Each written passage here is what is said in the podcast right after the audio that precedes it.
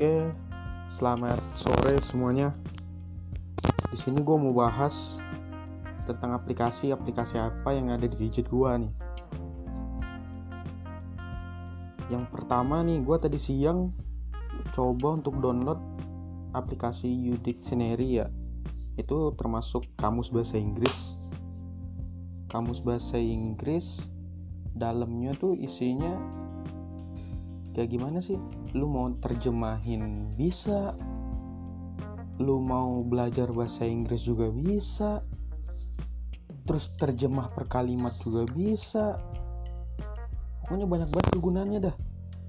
Di situ juga kelebihannya sih menurut gue pas lu di layar kunci itu notifnya juga keluar. Jadi kalau misal kita belajar vocabularies nih, termasuk kalau kata gue ya, ini menurut gue sih gampang, gampang banget.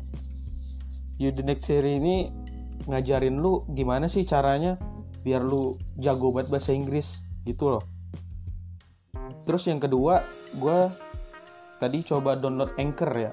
Anchor ini gunanya untuk podcast, untuk kalau kayak kita ngomong-ngomong lah, misalnya gitulah. Cuman gue juga nggak agak-agak nggak ngerti nih. Ya soalnya gue baru pertama kali make podcast nih. Jadi nggak nggak semuanya harus install gitu loh. Eh instan. Nggak semuanya harus instan terkadang semua manusia tuh nggak sama jadinya kita tuh harus perlu belajar di situ ya jadi gue tadi download terus gue buka ternyata eh ternyata Anchor nih gampang digunain loh maksudnya emang udah banyak orang yang gunain Anchor ini. Nah dari situ gue tahu tuh gimana kerennya pakai Anchor kan ya. Terus gue juga tadi coba nonton di YouTube ya. Ada juga aplikasi yang namanya Headliner. Headliner uh, menurut gue sebenarnya bagus juga Headliner. Tapi di situ di samping Headliner itu ya di dalam Headliner itu uh, kalau kata gue agak ribet. Kenapa gue bilang ribet? Soalnya kenapa? Dia banyak sesi-sesi yang lu harus download eh lu harus uh, edit di sini editing ini lu harus izin. Nah di situ kalau kata gue menurut gue ribet ya. Tapi emang hasilnya emang memuaskan headliner kalau kata gue daripada dibanding anchor tapi kalau kata gue anchor ini lebih simple terus lebih cepet kita ini terus dia juga sebenarnya aplikasi yang uh, bekerja sama sama yang namanya aplikasi Spotify ya.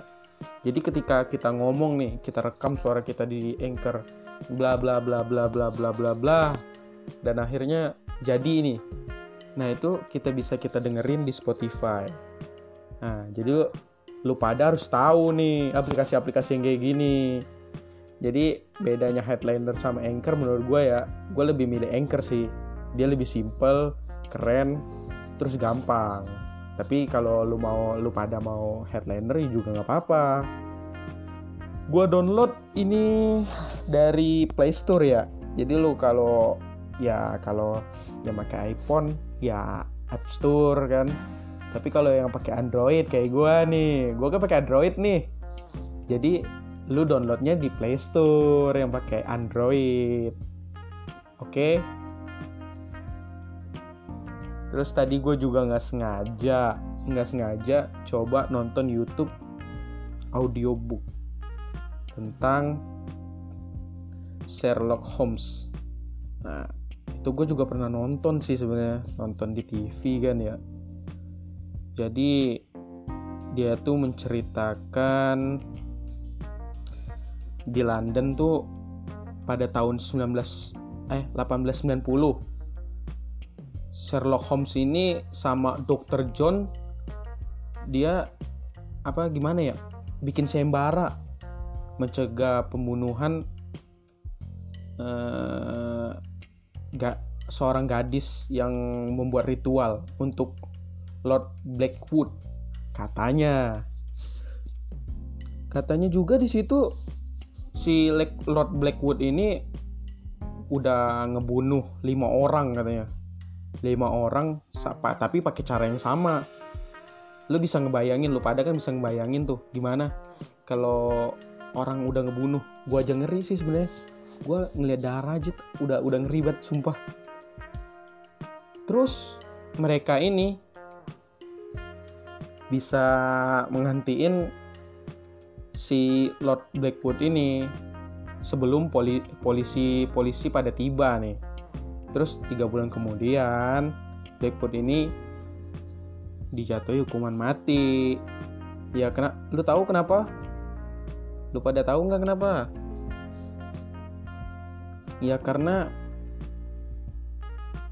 cerita di awal tadi karena dia membunuh lima orang dengan cara yang sama. Makanya termasuk kriminal ya. Iyalah. Iya kali kagak kriminal. Gimana sih? Nah si Blackwood ini dikunjungi lah si sama si uh, Sherlock Holmes ini. Dikunjungi di penjara. Terus habis itu setelah itu seminggu kemudian si Blackwood ini dijatuhi hukuman mati sama di eh sama negaranya. Digan dengan cara di kalau nggak salah sih digantung ya yang gue tonton tadi sih. Terus Holmes ini menerima kejutan dari seorang dari apa ya suatu kelompok. Namanya Baker Street. Baker Street nama kelompok itu ya.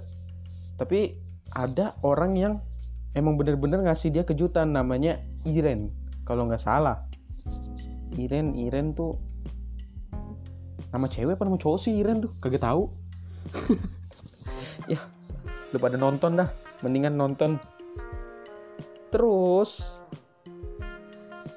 Iren ini ternyata seorang pencuri pencuri yang sangat profesional sekaligus mantan pacarnya si Holmes Nah, dia bilang ke Holmes untuk lu temuin bocah atau temuin dah orang yang bernama Riordan.